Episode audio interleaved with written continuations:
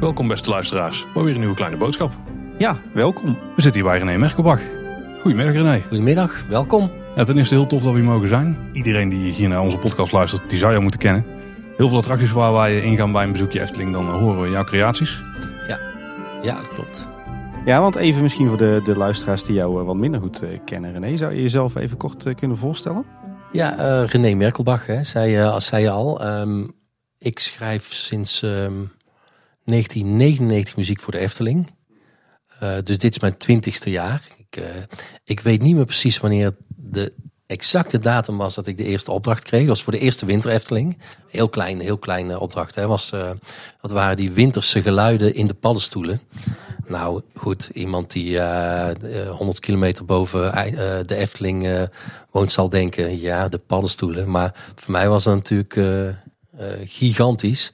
Ehm, maar ik weet niet precies op welke datum. Dus, dus 1 november, dus onthoud allemaal maar, 1 november 2019 heb ik besloten dat ik 20 jaar voor de Efteling werk. Kijk aan, dus dan, dan verwacht je natuurlijk een gouden daspeld. eh. Die zetten we in de agenda. Maar goed, ik kom eigenlijk uit, eh, eh, ik zal het in het kort zeggen, maar ik kom eigenlijk uit, uit een hele andere hoek, echt uit de bandjeshoek. Ik heb vroeger in een studio gewerkt in, ehm, in Waalwijk. Daar kwamen bands als eh Cresip bijvoorbeeld, eh Within Temptation. Ehm, de Heideroosjes is een punkband, zal niet iedereen kennen, maar die, ja, dat was echt t- Tot nu toe heb ik eh, drie bandnamen gehoord eh, waar ik altijd fan van ben Nou, geweest. Dus- precies. en zo heb je, had je nog heel veel, eh, ja, ook meer obscure bandjes zo. Maar, eh, maar ook dus Cresip, die, die kwamen daar demo's opnemen. En eh, op een gegeven moment ook een debuut-cd'tje. En nou ja, Jacqueline had er wel een leuk idee voor een nummer. I Would Stay. Ja, ik weet niet of mensen het kennen. Maar, Ja, dat is wel een klein succesje Wel geworden. klein ik, hè? succesje geworden. Er wel eens van gehoord, ja. maar goed, dat is daar allemaal opgenomen. En door Oscar Holleman, daar werkte ik toen eh, veel mee en voor. Die produceerde dat. En, eh, maar in zijn bandstudio had ik een andere ruimte. Eh, met een hele hoop synthesizers en eh, samplers. En daar begon ik steeds meer muziek te maken voor, voor commercials en bedrijfsfilms. En nou ja, goed, dat heb ik dus jarenlang gedaan. En ik kwam wel iedere dag, als ik van, ik woonde in Tilburg toen, naar de Efteling, of naar de Efteling, naar Waalwijk reed. Mhm. Iedere dag kwam ik langs de Efteling en ik dacht, goh, die zullen toch misschien wel eens een keer iets anders nodig hebben dan eh, iedere, wat was het toen, om de twee jaar hè, een eh, attractie. Als we geluk hadden als fans, ja. Ja, eh, om de, om de vier jaar geloof ik echt een grote en om de twee Ja. jaar, zoiets staat me bij. En op dat moment de Efteling benaderd, toevallig op het moment dat men bezig was met, met de winter Efteling. Waarbij men dus iemand zocht om die, om die paddenstoelen een beetje te, te verwinteren, noemen we het maar. En toen zeiden ze ook van ja, we werken natuurlijk al jaren met, met Ruud Bos voor de grote attracties. Dus dat is ook een vaste, vaste waarde en een vaste naam. Maar die, eh, ja, dit is ook niet nodig om die eh, hier op te zetten. Dus als jij eh, in de buurt zit met de studio en je vindt het leuk om te doen. Nou ja, dat was niet tegen doofmans oren gezegd. En zo is het balletje eigenlijk gaan rollen bij, bij de Efteling dan. Hè? Oké, want, Dus- want had jij zelf dan ook al een, een band met de Efteling, om het zo maar te zeggen? Ja, ik ben wel altijd echt Efteling, groot Efteling fan geweest. Efteling, ja, ik had het niet als doel of zo om ooit iets voor de Efteling te doen. Maar ik heb het me ook nooit voor kunnen stellen in die tijd. Dat ik dat, dat wel ooit zou mogen gaan doen. Zo fan was ik dan wel. Snap Ja, je? dus, dus je hebt nu niet zoiets van, wat doen die twee nerds hier in mijn studio? Nee, nee, dat snap ik wel. ik zou nooit een podcast beginnen dan zelf. Ja, ja. Maar eh, nee. Dat is jammer. dat is Ik zou luisteren. Nee, maar ehm, zo is dat toen eh, ga, ga het balletje gaan rollen. En ehm, op dat moment kwam er ook steeds meer eh, entertainment in het park. Was er al wel hoor, maar steeds meer muziek op maat werd er eh, ge- gevraagd. Liedjes. En ehm, toen kwam de eerste CD-ROM van Pardoes. Enzovoort, enzovoort. Er kwam de, de mediaafdeling werd ook eh, wat, wat groter en belangrijker bij de Efteling. Dus er kwamen steeds meer opdrachten binnen. En daarnaast bleef ik wel dingen voor bands doen en commercials zoals Opel Corsa, eh, Haribo een paar jaar lang. Eh, na Peter Jan Rens kwam mijn commercial, hebben ze een paar jaar lang gebruikt. Eh, ja, Sun vaatwasmiddel, eh noem het maar op. Het is allemaal net wat minder sexy dan draaien. Efteling, hè? Ja, precies. Dus, ehm, dus zo is dat toen gelopen. En eh, nou ja, goed. Uiteindelijk kwam daar ehm, de Pardoespromenade aan. Ja, ik En denk de een van... Pardoespromenade eh werd wel... Vond, vond, ik heb toen een briefing gevraagd. Ik heb toen een officiële briefing gevraagd aan, uh, aan Henny Knoet destijds.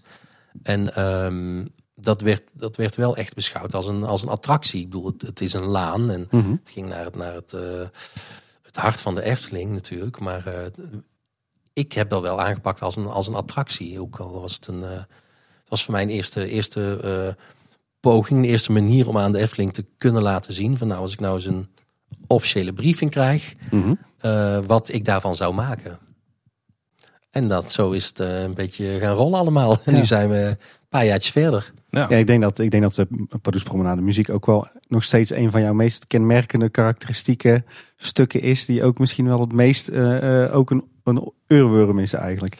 Ja, dat is een, dat is, ja, erger wordt het eigenlijk ook niet. Eh, behalve Carnaval Festival natuurlijk.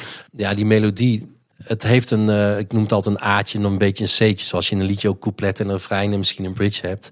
Maar eh, laat ik het zo zeggen, het A'tje, het melodietje, eh, gaat eindeloos verder. Dus in plaats van dat we regelmatig switchen naar, noem het maar even het beetje of het C'tje, oftewel een ander stukje muziek, blijft dat A'tje zich maar eindeloos herhalen en er komt steeds iets bij.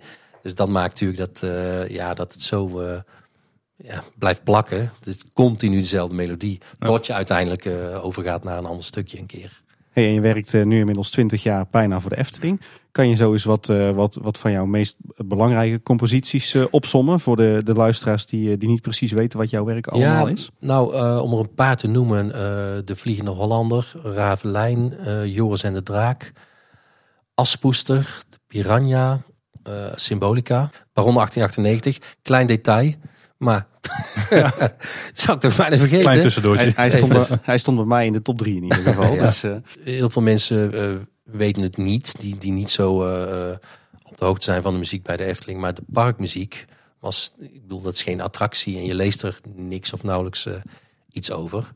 Maar dat is wel was een, was een, een grote opdracht. Het was al een groot, groot ding voor mij om die, om die ook te doen. Maar dat, en, en wat ik ook altijd wel leuk vind, is mensen die helemaal niks van de Efteling weten, of eh, die ik wel eens tegenkom, of van muziek binnen de Efteling, die ehm, zeggen dan wel eens: eh, wat leuk dat je eens in de zoveel jaar iets voor de Efteling mag eh, Ja. schrijven. En dan zeg ik ja, of wekelijks. Ja. En dat snappen ze dan niet. En dan zeg ik ja, nou ja, je moet niet vergeten wat er aan muziek aangevraagd wordt, bijvoorbeeld voor het YouTube-kanaal.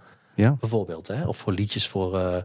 als er iets, als er nieuwe muziek uitkomt van Jokie en Jet, ja, daar, daar wordt geen groot artikel aan gewijd in het Brabants Dagblad. Maar het wordt wel het hele jaar door wordt er muziek geproduceerd voor de Efteling. Ja. Ja, voor de evenementen, Winter Efteling. eh, Ook dat, evenementen, ja. Ja. ja.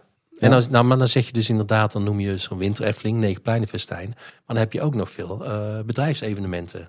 Hè, waar de Efteling als locatie eh, heel geschikt voor is. Dan moet er ook regelmatig iets op maat worden gemaakt. En dat kan zijn een aanpassing op, eh, op Efteling muziek. Maar het kan ook zijn een, eh, een lied speciaal voor een bedrijf, gewoon op maat gemaakt. Maar het zijn allemaal dingen waar wij ons hier met, ja, we zitten hier nu met vier man. Eh, soms, ik heb dan nog een cirkeltje om ons clubje heen. Die allemaal in hun eigen studio's werken. Maar soms zit je met ja, vijf à negen man eh laatst eh, aan heel veel dingen tegelijk te werken. Want we, we zitten hier dus bij jou René, maar eigenlijk zitten we bij Audiocult Studios. Hè? Ja, En dat is meer dan René alleen, toch? ja nou ja, Audiocult is, is mijn bedrijfje. Mhm. Ehm, en ik kan je, als je wil, straks voorstellen aan andere mensen die hier ook eh, eh, zitten. Eh, Marco Kuipers is een naam die, die misschien vaker hebben gehoord. Wij Ja. werken al twaalf jaar ongeveer samen aan heel veel projecten. En zo hebben we nog, nou ja, ik zal straks voorstellen, Manix Wetser is een, is een repetitor voor heel veel musicals in het land. Veel ehm, grote producties, ook een aantal amateurproducties. Maar ook al een aantal jaren de Efteling musicals bijvoorbeeld. Dus die doet eh, de zangrepetities met de acteurs. En eh Rosalie werkt hier ook nog. Die, is, eh, die doet veel opnames, editing, enzovoort, enzovoort. Alleen die mensen hebben allemaal hun eigen bedrijfje. Die zijn allemaal zelfstandig. Dat is wat ik ermee wil zeggen. Dus we vormen een collectief. Je komt binnen bij Audiocult. Dit is dan het Audiocult pand. Mhm.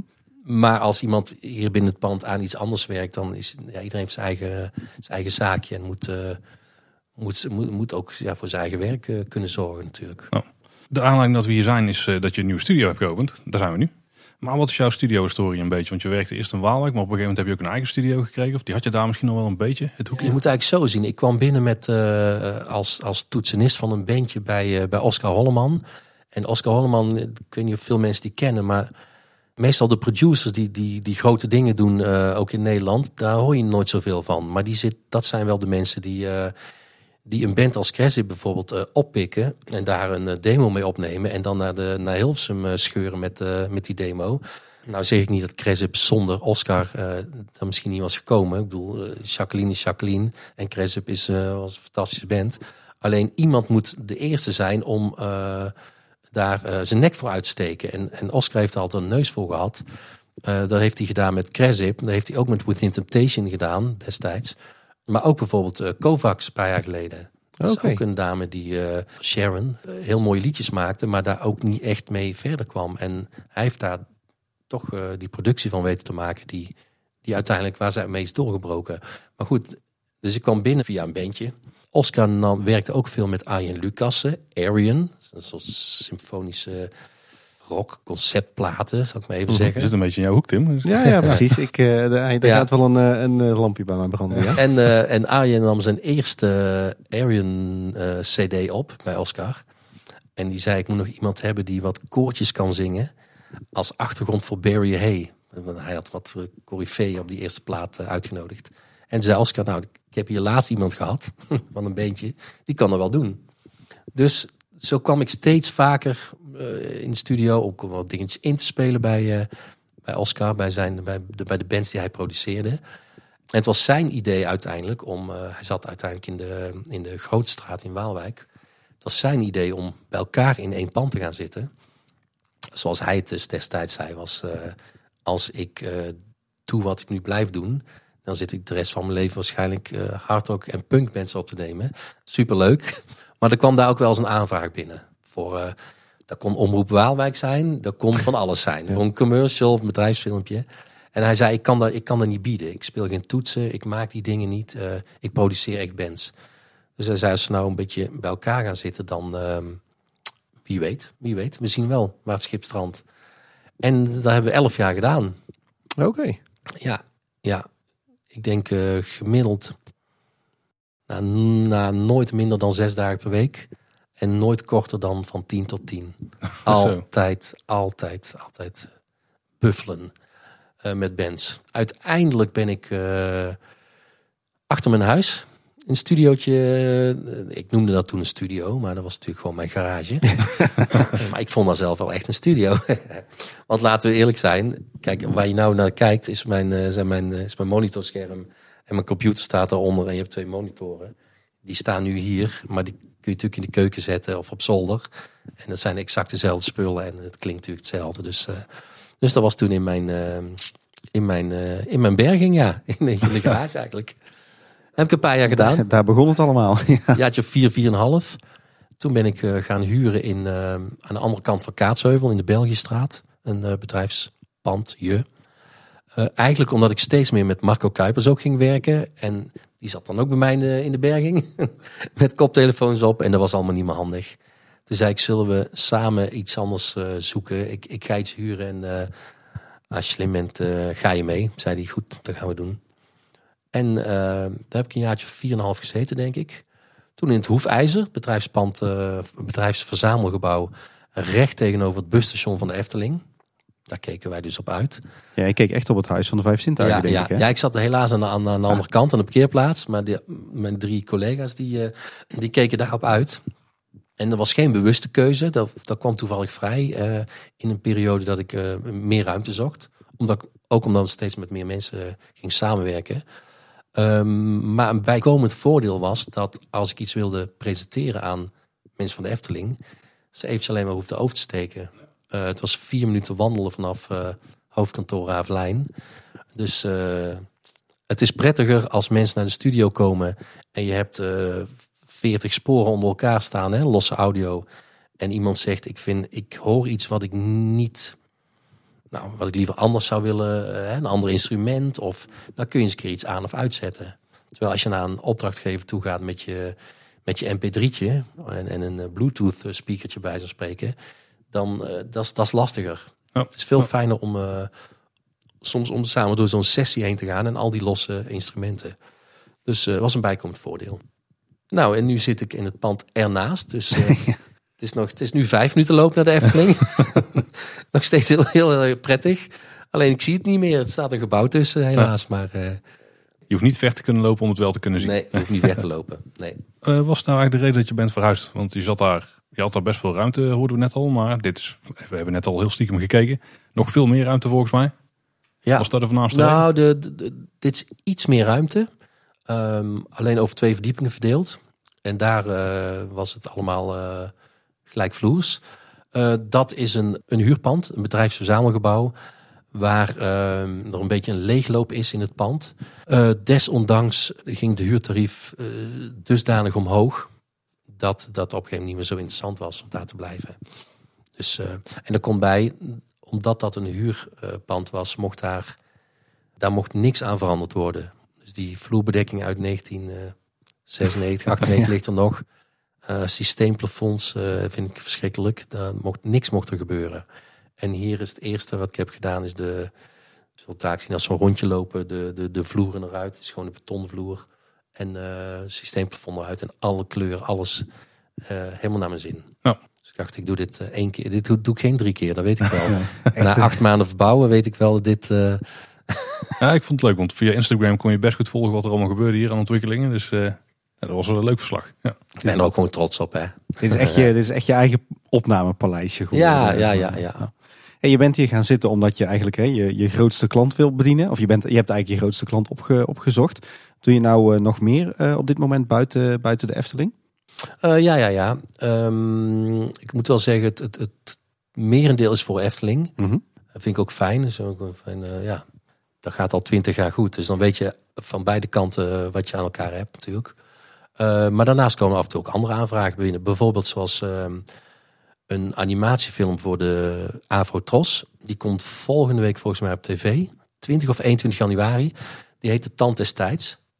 En het leuke is, dat is de eerste telefilm waar ooit... het telefilm bestaat al, ik weet niet hoeveel jaar. Ik weet niet, bestaat al heel lang. Maar er is nog nooit ehm, budget toegekend aan een animatiefilm van 80 minuten. Volledig geanimeerde film. Dus dat is de eerste. Is voor Kachin Cartoons, daar heb ik voor Nintendo eh, muziek voor gemaakt ooit. Voor de 3D-consoles. de 3DS. En die hebben ook weer voor de Efteling in het verleden producties gedaan. Waar ik ook... eh, aan de Grappenbollen bijvoorbeeld. Oké. in ja. samenwerking met de Efteling ooit gemaakt. Eh, de Lummels is ook zo'n eh, serie. En die vonden toen de samenwerking eh, prettig. Dus die zijn me daarna ook gaan vragen voor, eh, voor andere dingen. Dus zo lopen er, eh, loopt er eh, van alles. Eh, ja, pff, als er iemand belt voor een eh, bedrijfsevenement, zoals op dit moment. Het bedrijf heet eh, Topcon. Eh, die hebben een bedrijfsevenement in, ehm, in Ierland. Daar moest muziek voor geschreven worden. Dan komt die aanvraag binnen hier en dan kijk ik of ik daar een stukje voor schrijf of niet. Of een collega doet dat. Maar er, komt- er komen heel veel verschillende dingen binnen bij, bij Audiocult, zeg maar. En dan ga ik kijken wie daar ehm, wie het beste bij die opdracht past. Of wie er op dat moment het beste in zijn tijd zit. Kan Ja. ook nog. Ja. Want je hebt laatst ook wat, eh, denk ik, een aardige klus gehad voor This is Holland. Hè? De, This is de Holland, simulator. ja, ja. This is Holland, vorig jaar geopend. Ja, dat was ook... ehm, dat was, die film is negen minuten, als ik me niet vergis. Ehm, en daar had ik dus de mogelijkheid om met, eh, met het orkest op te nemen. Het, eh, het orkest in, in, in België, in de Galaxy Studios. Eh, dus dat was ook een... eh, ja, dan zou je denken, nou, het is maar negen minuten. Maar ja, de- je vliegt in die negen minuten eh, over Nederland... En de sfeer verandert continu. En, dus dat is niet even, even één muziekstukje. was toch ook wel een aardige, ja, aardig, aardig afwisselend stuk. En er is, is veel werk in gaan zitten, ja. Want, want doe jij meer opdrachten in de sector, laten we het zeggen, de, de, de pretparken, dierentuinen, musea, zeg maar de hele leisure? Nee, er komt wel eens iets binnen. Dit jaar voor ehm, de Leisure Expert Group. Voor eh, de AIDA Nova, dus een cruiseschip. Mhm. Dat is uitgevaren volgens mij in december of zo. Ehm, ja, die hebben 21 eh, restaurants aan boord. Een aantal zijn gethematiseerd. Dus dan vragen ze ook echt wel een, een specialist, zoals de Leisure Expert Group, om. eh, dat is niet gewoon een restaurant. Dat is gewoon, ja, ik zal niet te veel over, over uitweiden, maar dat is wel. Eh, dat had ook in een themapark kunnen staan, zeg maar. Dus uh, zo, zo uh, goed en mooi gedaan. Um, dus daar heb ik, ja, dat is ook weer zoiets. Daar heb ik dan de, de, de dat komt dan niet altijd goed uit qua planning, zeg maar. Als je tegelijkertijd bezig bent met uh, bijvoorbeeld Efteling, um, dan moet je wel keuzes maken. Dus wat, in dat, wat ik in dat geval dan doe, is ik schrijf het hoofdthema. Mhm. ik, ik heb een soort suite gemaakt van drie minuten dat hoofdthema wat van heel positief, energiek naar uh, spannend gaat en even naar heel klein en een beetje verdrietig op een gegeven moment. Gewoon alles een keer, alle emoties een keer worden aangeraakt. En daar zijn toen acht andere mensen bij gehaald om die, uh, om die film, we hebben het over film van twee uur, uh, om die te voorzien van de juiste sferen per blokje, noem ik het maar even, per scène. Dus, uh, maar dat is dan, dat, kijk, dat is wat we hier doen. Dat is hoe we elkaar hier versterken. Ik schrijf die, die drie minuten. Ja. Uh, ik, ik, ik bewaak het project. Ik, het, is, het is wel mijn project. Maar ik kan aan, aan Marco vragen van nou, wie zullen we erbij vragen? En um, laten we samen kijken wie met welk stuk binnenkomt. En of het goed gaat, of het mooi is. En hij heeft er uiteindelijk nog één mooi lang stuk van een paar uur van kunnen maken. Uh, ja, als, als eigenlijk uh, producer van die, uh, van, die, van die film. Dus het zijn van die dingen die er ook nog bij binnenkomen. Mijn focus ligt altijd met de Efteling, Ja. sowieso. Dat is ook een klein beetje een erekwestie. Dat is een erekwestie. Ja, ik kan, ik, ga, ik, kan, ik kan dat niet loslaten Nee. natuurlijk. Dat ga ik nooit doen. Dus als er iets bij komt, kijk ik er bij, bij, bij de Efteling opdracht, kijk ik of ik daar de, de tijd op dat moment voor heb. En of er niks in het gevaar komt bij de Efteling, hè, qua planning.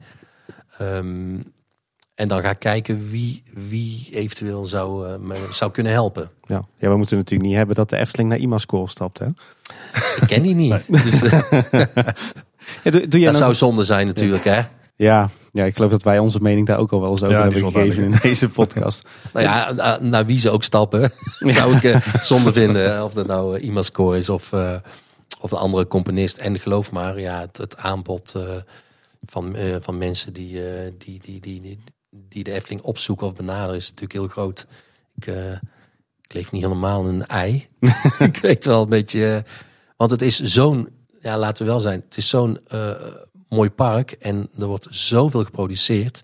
En het is ook nog zo, kwaliteit bij de Efteling staat altijd hoog in het vaandel. Maar dat betekent dus ook dat je uh, nog eens een keertje de mogelijkheid krijgt om met een orkest op te nemen. Of als het een iets kleiner project is, dan ga je niet met uh, 50 of 60 man orkest. Maar dan kun je nog wel eens een keer met 10 muzikanten in de studio gaan zitten. Um, dat hangt natuurlijk ook aan, uh, aan een bedrijf als de Efteling. Ja.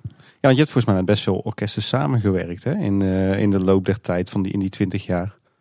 Ja, nou ja, um, ik ben drie keer in Praag geweest volgens mij. Waarvan twee keer voor de Efteling. Um, en daarna ben ik al, nou, dat heb ik natuurlijk met Brabants Orkest uh, een paar keer opgenomen. En daarna uh, ben ik naar Galaxy gegaan, in, in België dus. En Galaxy is echt zo'n, ja, ik weet niet of jullie het kennen, maar... Je zit in Mol geloof zit ik. in Mol, ja. ja. Dat is ongelooflijk qua uh, niveau wat ze daar hebben. Qua opname ook en qua mix. Uh, Patrick Lemmens is, de, is degene die daar... Dat is een toonmeister, zou je eigenlijk moeten opzoeken.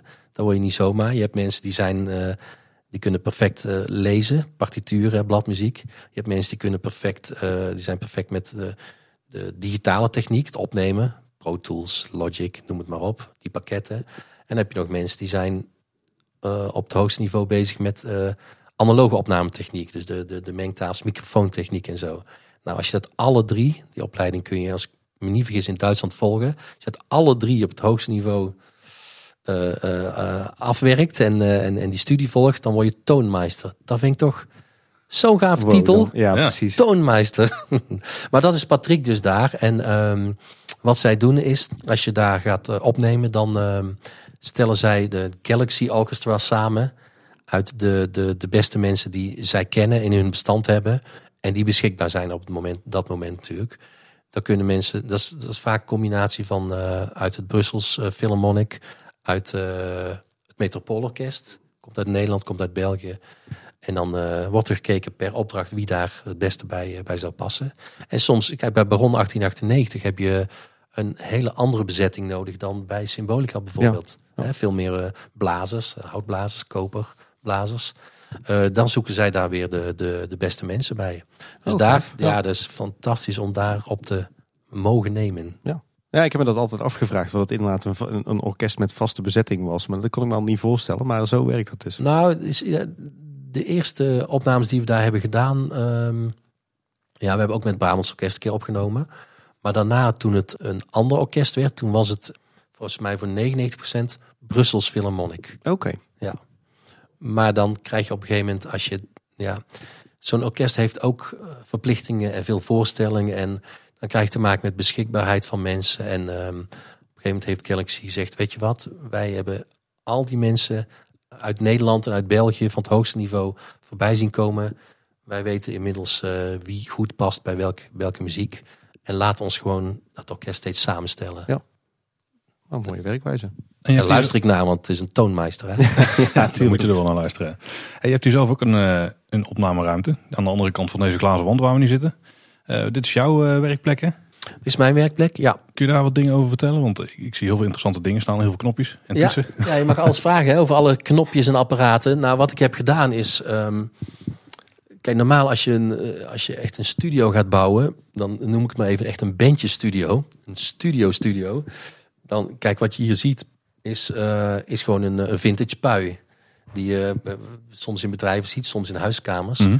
Maar niet zo makkelijk in studio's. Want je kijkt nu tegen eh, 6,5 meter glas aan eigenlijk. Mhm. En ehm, dat is in principe niet heel handig qua geluid. Maar het is wel zo, ik neem geen bands op. Ik neem zangers af en toe op, zangeressen. soms een keer strijkers, maar dan zijn er dan vier. Af en toe een keer blazers, een paar keer per jaar drums. Dus ik, ik wilde voor mezelf een, eh, een ruimte creëren. Die zie je daarachter. Die eh, ik en heel gezellig vond om, om, om te zien. Ik wilde echt een huiskamersfeer. Want ik ben hier meer dan thuis.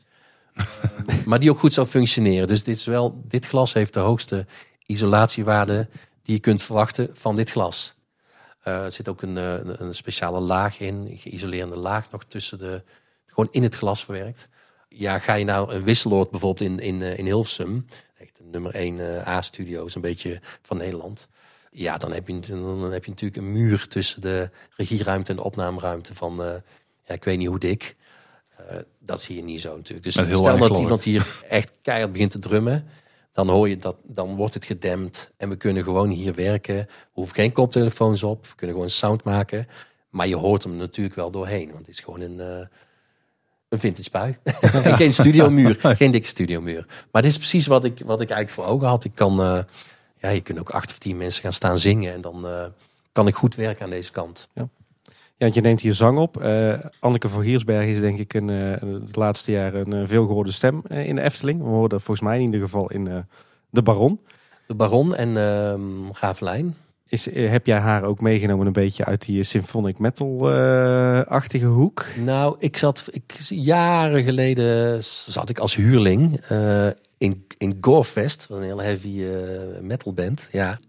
Op heel veel festivals waar Gorefest speelde, speelde ook The Gathering. Ja, Dus toen, daar ken ik Anneke van. Die ken ik niet persoonlijk, maar toen kreeg ik uiteindelijk de mm, kans om iets te schrijven voor, voor Ravelijn. Ik had meteen een kinderstem eh, in gedachten, maar ook een, een, een, een hoge stem zoals die van Anneke. En ik had geen zin om, eh, eh, met alle respect, een doorsnee mooie klassieke eh, sopraan. Anneke is Anneke, daar zijn er geen twee van. Nee. Dus ik dacht, ja, als dit een heel unieke attractie wordt en ik mag daar wat andere muziek voor maken dan, dan men misschien zou verwachten bij de Efteling, dan wil ik ook een, een unieke stem. Ja. Dus heb ik toch nog een beetje zenuwachtig naar Anneke gebeld. ik dacht, misschien gaat ze dat helemaal niet doen, joh. Die is gewoon met, met haar eigen muziek bezig en eh, misschien helemaal geen interesse eh, om, om dit te doen. Maar die was, eh, ja, die, die kwam gelijk, zeg maar. Die, vond Die was vereerd, ja, zeg die vond, die vond het echt super, ja. En ook bij de Baron, bij Baron 1898. ja en in Vliegende Hollander zit volgens mij Floor Jansen, toch? Nee, daar zat Floor Jansen. met, voor de Vliegende Hollander ehm, heb ik met Floor Jansen opgenomen. Ja, even voor de luisteraars, dat is ook een eh metalzangeres. Hè? Met de Tegenwoordig zangeres zit ze- vroeger After Forever. En Ja. Floor ken ik weer, omdat de studio waar ik straks over had, RS29 bij Oscar, daar kwam After Forever ook eh, opnemen. Dus toen eh, ik aan de slag ging voor de Vliegende Hollander, was ik op zoek naar zo'n stem. Toen dacht ik, dan kan ik Floor vragen. Uh, en die was ook heel enthousiast, maar die had uh, bepaalde verplichtingen met platenmaatschappijen, waarbij zij niet, uh, zij mocht niet doen wat ze wilde. En dan zou je zeggen, wat is het voor probleem weet je, dat je voor de Efteling iets doet? wat ik niet leuk vond toen was dat die platenmaatschappij die wilde bepalen wat zij wel of niet en voor wie mocht doen. Toen, toen, zei ik, nou dat is niet, ja, dat is niet handig. Dat is niet handig. Oh. En dan wil ik ook niet naar de Efteling toe dat ik zo'n grote attractie van muziek mag voorzien. En dan gelijk ook moet zeggen van ja, de, de zangeres moeten we even kijken of dat goed gaat met de plaatmaatschappij. Moet je onderhandelen. Weet je, we moeten met niemand hoeven onderhandelen. Mensen moeten gewoon echt leuk vinden en er allemaal even enthousiast over zijn. Dus toen heb ik een andere zangeres gevraagd, die, die waar ik af en toe mee samenwerkte. Martine Grunwald. En ja, die heeft daar fantastisch gedaan volgens ja, mij. Ja, absoluut. Kun je nog steeds horen daar. Uh, zullen we even een rondje gaan lopen weer? Even ja, we dwalen weer veel te ver af. Ja, Paul. Dat gebeurt ons ja, ik ben veel te lang van stof. Ligt echt aan René. Ligt wel echt aan mij. Daar staan we met in een opnameruimte. Ja, de opnameruimte, wat ik net al zei. Ik bedoel, hij is niet, uh, niet gigantisch, maar het is uh, 6,5 bij uh, 2,5. Dus um, hier kun je makkelijk vier strijkers zetten, drie blazers, een aantal mensen die komen zingen. Um, maar je zou hier ook de drums kunnen opnemen, bijvoorbeeld. Uh, veel, veel muziek, uh, muzikanten, losse muzikanten, zoals gitaar of bassen, die geef ik vaak een briefing. Gitaristen, bassisten, soms ook drummers. En die neemt vaak ook, ook in hun eigen studio zo. Dat, dat heeft meer met de tijd te maken. Soms is de deadline strak en dan, um, ja, dan kan ik hier een hele dag sound maken qua drums. Maar als je een drummer hebt die zijn eigen studio heeft en perfecte sound. Ehm, ik drum alles voor met geluiden uit de, uit de computer. En iemand die gaat dat perfect uh, naspelen en geeft daar zijn eigen draai aan.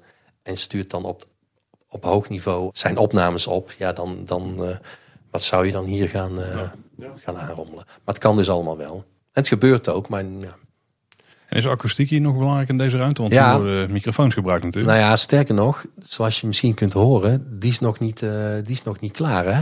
Dus ook, waar je net ook waren, in mijn, mijn, op mijn werkplek, boven mijn, mijn werktafel en zo, daar is het opgelost. Maar uh, daar is nog wel wat werk aan de winkel. Want ik uh, heb vanaf het begin af aan gezegd, ik wil die, die betonnen vloer houden en betonnen plafond dus. Maar dan heb ik ook nog die glazen pui. Ja, dat is echt, slechter kan het niet. Dus nou ga ik stukje voor stukje. Daar is het heel goed werkbaar. Daar kan ik werken, kan ik mixen. Als hier nu iemand komt opnemen, dan uh, daarachter zie je dat scherm. Misschien heb je het ooit op oude foto's gezien, maar dat gebruik ik vroeger in mijn oude studio ook. Dat is akoestisch, uh, speciaal akoestisch scherm. Dat is 4,5 meter breed als je het uittrekt. Dus als hier nu morgen iemand zou komen spelen, bij spreken of zingen, zou ik even dat scherm eromheen draaien. En dan heeft je een soort eigen vocal booth, noemen we dat dan maar. Maar hier, hier aan het plafond moet nog wat, uh, wat worden gedaan. Het klinkt iets te hol, zeg maar. Ja. Daar doen die uh, Persische tapijten niks aan of die. Nou, ja, kijk, in eerste instantie riep ik, ik wil alles van beton. En daarna ben ik uh, acht tapijten gaan bestellen ja.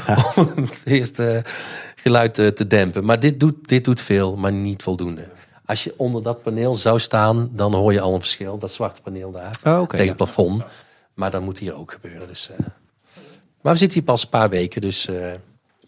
Kinderziektes noemen ze daar. Ja, precies. Fine-tunen. Beetje schuiven met spullen. Een paar laatste verhuisdoosjes nog uitpakken. Hey, en wat zien wij in jouw eigen werkkamer, René? Wat zien we hier nog voor apparatuur staan? Uh... Nou ja, eigenlijk heb ik gewoon mijn, uh, mijn, mijn, monitoren waar ik heel blij ben. Mijn focals. Merk is niet zo belangrijk. Maar, um, en eigenlijk heb je gewoon, uh, ja, waar, waar, schrijf je iets mee? Hè? De ene doet het op zijn laptop en een klein keyboardje. Nou ja, ik heb een keyboard voor mijn neus liggen, 61 toetsen. En een Mac staan en een paar schermen. Um, en Logic Pro 10, Tim. En Logic Pro 10 natuurlijk. En heel veel software. Waar je af en toe bang van wordt als je die bestelt. de factuur komt binnen. Um, maar dat is het eigenlijk tot wel allemaal in de box gedaan hoor. En ik had in mijn vorige studio een soort uh, keyboard museum. Met echt, echt mooie vintage apparaten. Maar het is wel zo, voor je die uh, aangezwengeld hebt en gestemd en... Um, ja, een beetje fatsoenlijk ruisvrij hebt opgenomen, uh, ja, ben je een paar uur verder. En het is wel met mijn werk, ik switch wel soms twee, drie keer per dag van project. Mhm. En dan kun je niet zeggen, oh ja, dan pak ik even die drie keyboards erbij die ik daarbij gebruikte. En haal ik die weer uit de koffer of uit de hoek. Vrijwel alles gebeurt gewoon eh, in de box, zoals wij noemen, oftewel eh, in de computer. Ja. Ik heb geen grote mengtafel of zo, heb ik ook niet nodig. Ik heb gewoon mijn acht, eh, mijn acht faders en de rest gebeurt gewoon allemaal in Logic. Oké. Dat En we wat je zien, hier ziet. we zien ook wat Efteling reliquieën her en der. eh, Ja, ja, ik heb het geluk dat ik, eh, ik, ik- ken daar natuurlijk een paar mensen. dus als ik dan eh, verhuis net of als er iets speciaals is gebeurd, zoals daar, Efteling eh, 65 jaar en opening van Symbolica, dan krijg ik wel eens iets moois, unieks toegestopt van, van, de, van, de, van de ontwerpers bijvoorbeeld. Deze vind ik namelijk Heel ook heel leuk hier zo. Ehm, dit zijn stukjes, ehm, dit heb ik van eh Sander de Bruin gekregen, mooi ingelijst. Stukken van, eh, van de baan van eh, Baron 1898. Kijk, Die kwamen genummerd eh, binnen, delen van de baan. Alleen die, die nummertjes, die Ja. nummering zeg maar, die werd er dan afgebroken en eh, ergens neergegooid. En Sander die eh, was er aardig om een aantal te verzamelen en daar iets heel moois eh, van te maken als bedankje. hoe jaloers ben je nu? Ik ben eh, extreem jaloers. Maar goed, ik ik, check dan ook... straks of het er nog staat. Ja, heel slim. hè? En andersom eh, doe ik ook wel eens aan het einde van, van een project. ehm, dit is de parkmuziek. Ja, dit is de parkmuziek. De partituren van het, van het orkest, die laat ik dan eh, soms inbinden bijvoorbeeld. Dat geef ik dan weer cadeau aan mensen die daaraan hebben meegewerkt. Of deze bijvoorbeeld. Zo. Ik doe dat even eentje voor Ja. mezelf als, eh, als, aandenken. Maar zo heeft iedereen eh, de partituur compleet.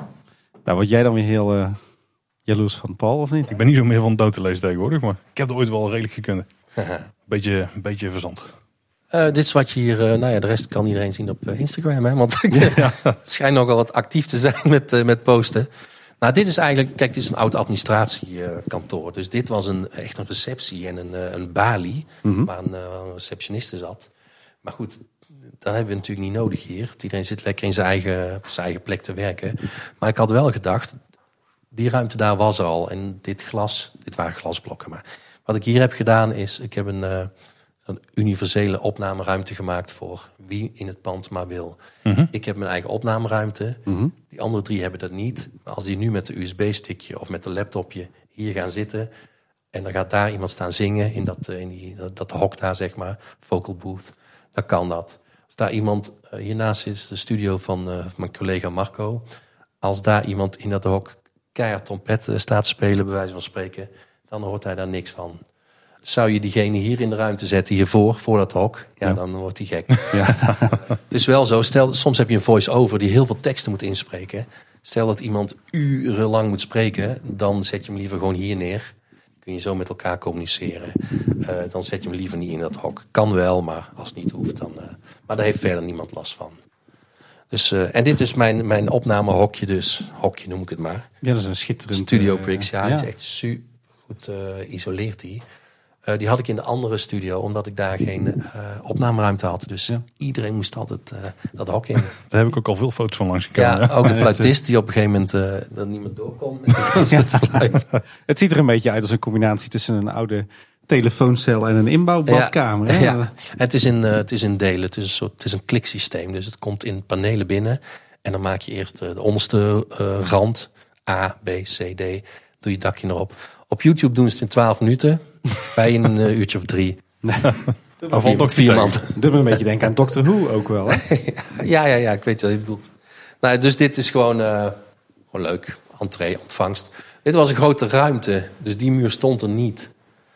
Dit keukentje was er wel, hier stond een muur. Dus we hebben een beetje de boel uh, anders ingedeeld. Omdat we uh, ook, ik wilde minimaal vier werkplekken. Mm -hmm. en, um, maar dat was niet. Boven was het één grote ruimte, hier één grote ruimte. Ja. Dus dat was niet handig. Dus ik heb gewoon een andere indeling een beetje gemaakt. En uh, nou, dat was het eigenlijk. Dus dit, dit, is, dit is de keuken hier. Het is een beetje de pauzeruimte. En een beetje de pauzeruimte, ja. De koffietjes en de lunch en zo. Hier zie je die, die posters van Kachin cartoons waar ik het over had. Ja. Dus de oh, ja, ja. Tante Stijds die binnenkort op tv komt. Volgende week. Um, Nintendo, de 3D-machine. en Tex was een film voor VPRO. Die is van vorig twee jaar, jaar geleden. Ja, volgens mij vorig jaar of het jaar daarvoor uitgezonden. Ja, ja klopt. En die was half geanimeerd en half live, uh, live action. Nou, de meneer die dit maakt, ja, die kennen jullie waarschijnlijk ook. Of is Ja. volgens mij ook een groot liefhebber eh, Ja, zeker. van de Efteling. We kijken naar, eh, ja, waar kijken we naar, hè? Ja, dat zijn, eh, ehm, hoe noemde Bram ze ook al? Ja, Flash. Dit zijn, is de originele Flash, de originele ontwerpen van, eh, van eh, Bram eh Elstak, Elstak, hè, ja. de tatoeëer, tatoeëerder. Ehm, deze van Baron 1898 en daarvan eh, Symbolica. Oh ja. vind ik eigenlijk heel bijzonder, want ja, dit, dit is wel het originele, dit zijn de originele, Dit zeg zijn, maar. zijn dit de originele van Bram? Eh, ja, ja, Oh, is- deze nou, ja, het zijn de originele. Heel En op een gaaf. gegeven moment heeft hij eh, een, een, een, een briefje gestuurd en dit ook mee opgestuurd. En gezegd van ja, ik kan het eh, hier nog heel lang in de la laten liggen. Of ik geef het aan iemand die, eh, die, die ik dat gun en die dat misschien interessant vindt. Nou, je ziet het. Dat is ook op een mooie plek. Ja, Ja. schitterend. En eh, heb je er zelf ook al eentje laten zetten bij Bram? Of, eh? Nee, maar dat komt nog wel, maar dat weet hij nog niet.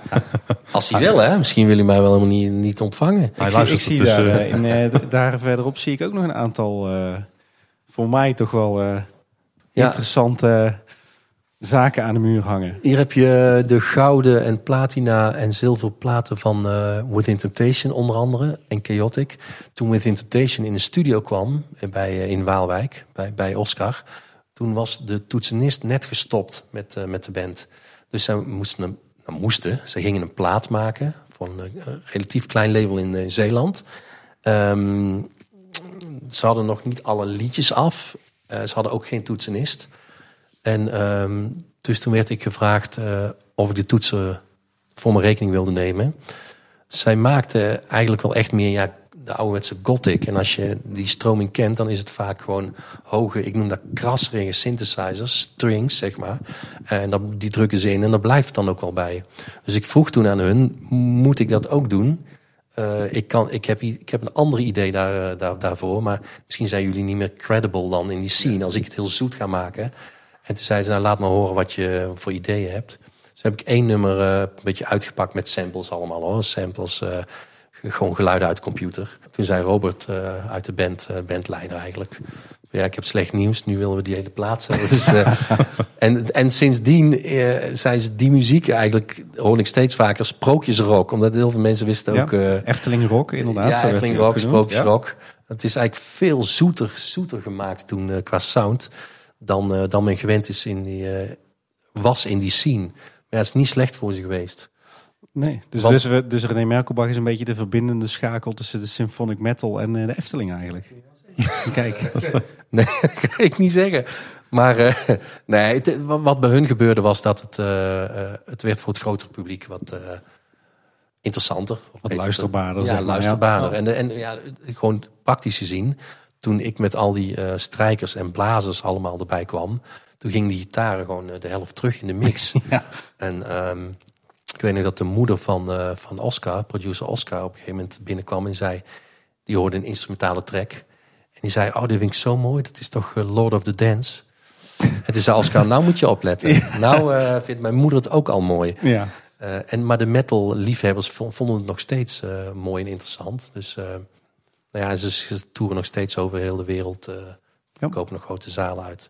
En deze heb ik geproduceerd eh, van Chaotic, de tweede plaat van Chaotic.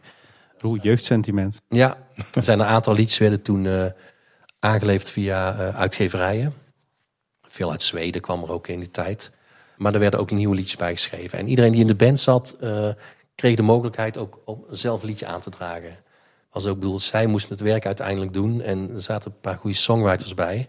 En de plaatmaatschappij zei dan is het ook fair, eh, als jullie met liedjes op pad gaan, is het ook fair om sowieso jullie liedjes een kans te, te geven.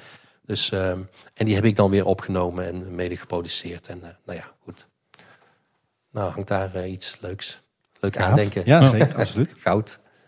Kijk, toen was 40.000 nog goud hè, in Nederland. tegenwoordig is het de tegenwoordig helft, denk ik. 15 of zo, of Ja. 20. Ja. En die goede oude tijd dat je naar de cd-winkel ging, hè? Ja, ja. Nu tellen ze miljoenen Ik ben streams. vaak geweest. Je kunt even binnenlopen bij mijn collega als je wil. Kun je het ook zien. Hallo, hallo. Niet schrikken. Wij komen gewapend met drie microfoons. Dat is geen klein bericht dit, hè? Eh, ja, ik had jullie al verteld hè, over eh, mijn collega Marco. En dit is Marco's eh, werkplek. Beetje vergelijkbaar met de vorige studio, denk ik. En eh, dus alles wat je hier ziet is ook gewoon... eh Marco heeft zijn eigen bedrijf, dus het is ook zijn eigen spullen. En eh, Ja, voor ons ook een bekende naam. Dus ik denk dat eh, Marco ook eh, best wel wat voor de Efteling eh, doet en heeft gedaan, toch? Ja, ja, zeker. Nou ja, eh, heel veel de afgelopen twaalf jaar met mij samen. Als je kijkt naar alle musicalproducties, ehm meestal eh, schrijf ik dan eh, een liedje en dan werk ik het een beetje uit. En dan gaat het meestal eh, gelijk door naar Marco, die daar bijvoorbeeld arrangementen voor maakt en eh, ja, daar heel veel mee helpt. Maar ja, als je naar de Aquanuas kijkt, ehm, die zijn ook van Marco afkomstig. Eh, van mijn muziek is bladmuziek. Maar van heel veel stukken in Aquanura is, is, nog, is geen bladmuziek. Omdat Nee. die er of niet is of niet is vrijgegeven. Dus dan zit Marco eigenlijk nootje voor nootje het hele het stuk te, te reproduceren. En, eh, en dan gaan we dus bijvoorbeeld naar een eh, Galaxy. En dan zit ik gewoon eh er dom bij. voor de leuk. Dus zo, maar ja goed, ja. Marco, ja, of nou Jokie en Jet is of ja, noem het maar op. TV-series, doen heel veel samen wat dat Ja. betreft. Je ziet ook een paar hele toffe dingen aan de muur hangen. Hè? Ja. Nou ja, de nieuwe kleren van de keizer heeft Marco ook gemaakt bijvoorbeeld. Dat is een bestaand stuk, maar daar heb jij een arrangement, voor, ander arrangement voor Ja. gemaakt. Ja, nou ja, ja, je ziet het.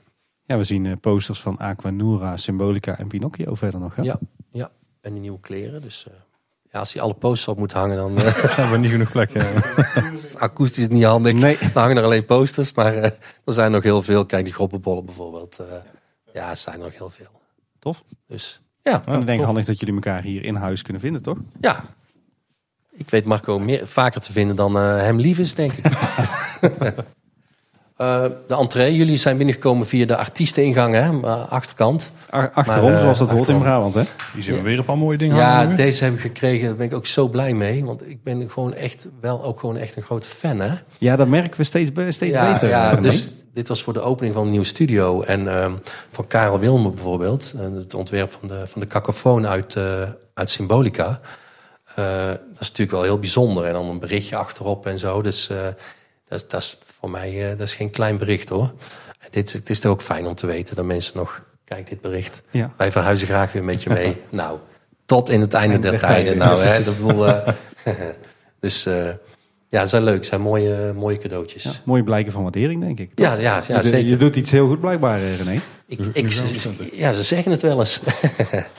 Voor, voor ons nu een, eh, een, eh, weer een eh, eerste keer, want we moeten nu met drie microfoons gewapend de trap op. dus Ja, de is toch wel op. topsport. Want ik heb nog een aantal ruimtes. Beneden heb je mijn ruimte zien van Marco. En dan die, die universele ruimte, noem ik het maar eventjes. Mhm. Spannend, hè? Je weet nooit wie er zit. Hallo? Nou, niemand. Of dat Kijk, pikdonker. Dit is de ruimte van eh Rosalie. Die heeft het pand al verlaten. Die heeft jullie aanzien komen. De bus gestapt.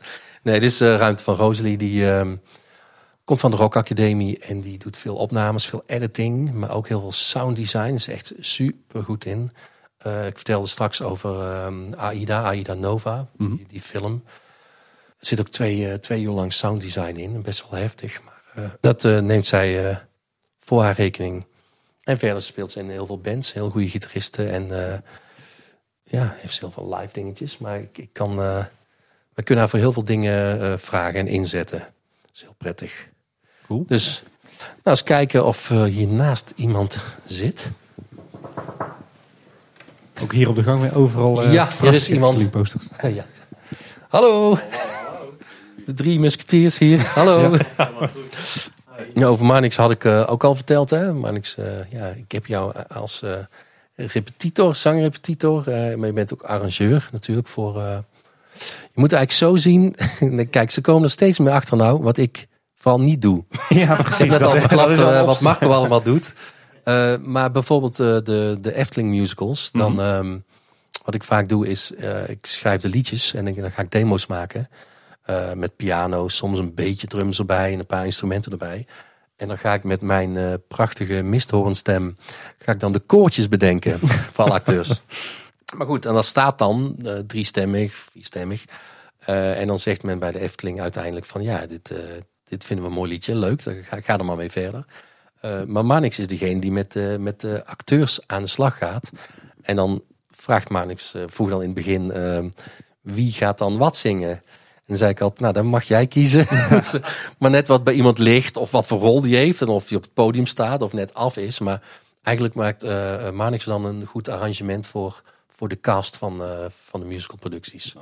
En, maar zo nauwkeurig, veel nauwkeuriger dan ik het ooit zou kunnen doen. Als een, je moet zo zien, als een week later iemand vol overtuiging een noot zingt en die staat niet bij Manix op papier, dan uh, kunnen we van het papier uh, van Manix uitgaan. Dan hebben ze hem zelf verzonnen. Ja, ja, ja. ja, mooi om te zien dat dat er ook weer allemaal achter uh, steekt. Ja. Daar sta je eigenlijk niet meer stil hè, als je een musical gaat kijken, bijvoorbeeld in de Efteling.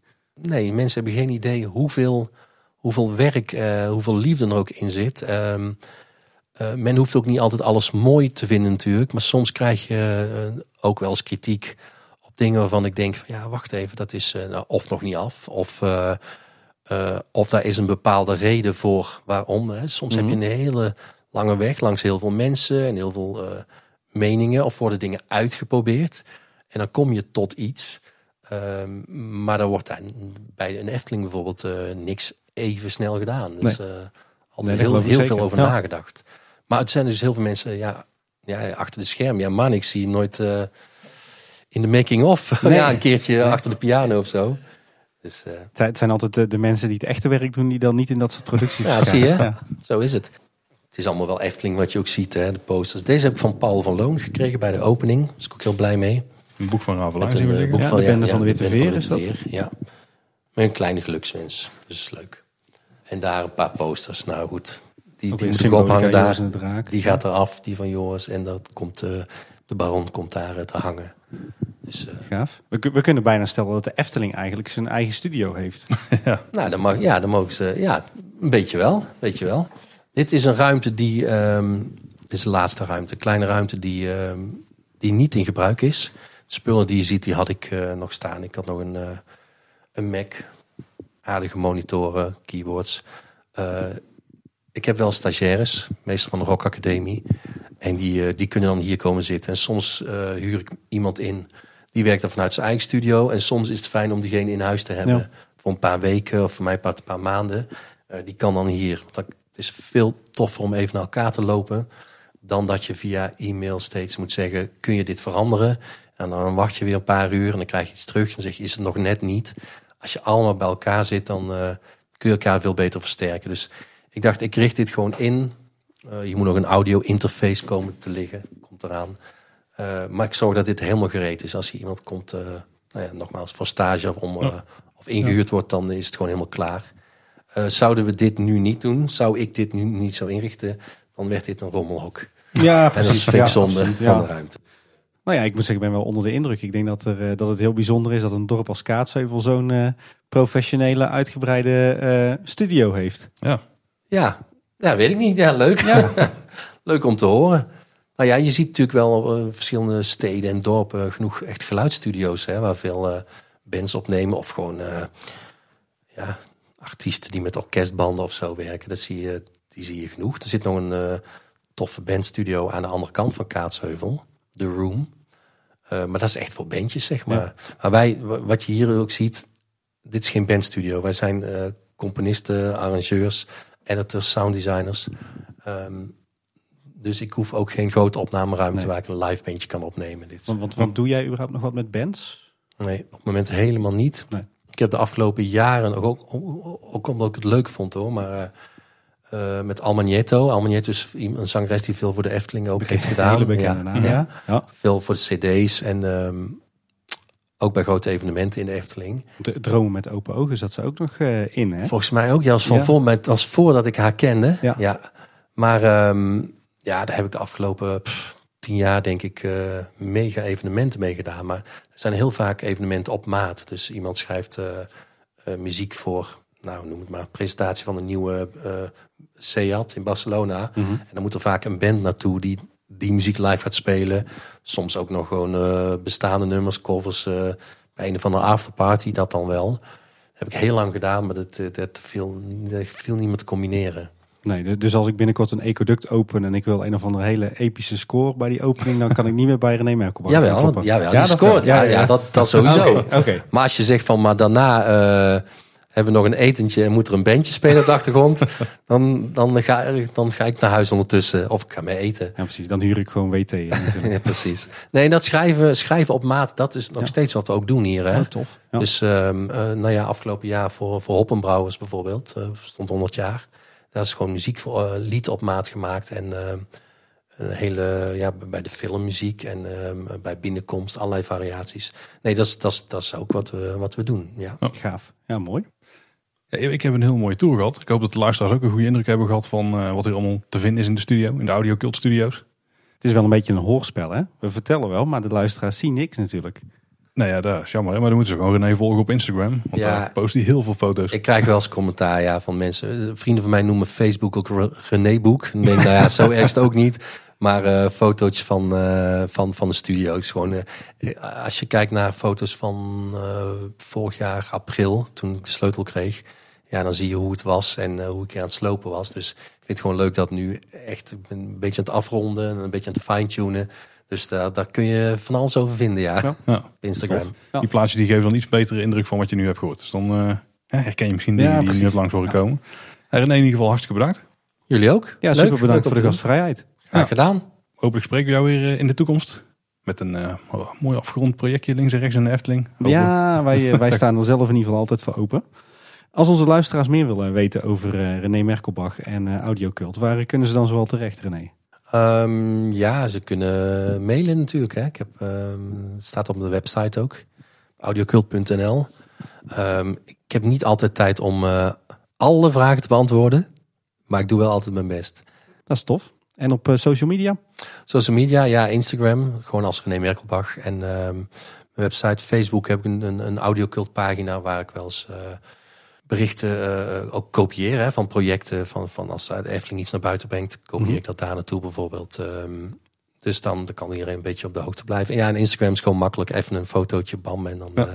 eh, en staat erop. En Twitter af en toe. Oké, nou top. Dan eh, kunnen onze luisteraars daar eh, meer van jou te weten komen. Super bedankt. Oké. Ja, tot de volgende keer. En dan sluiten we al af met houdoe. Houdoe. Houdoe.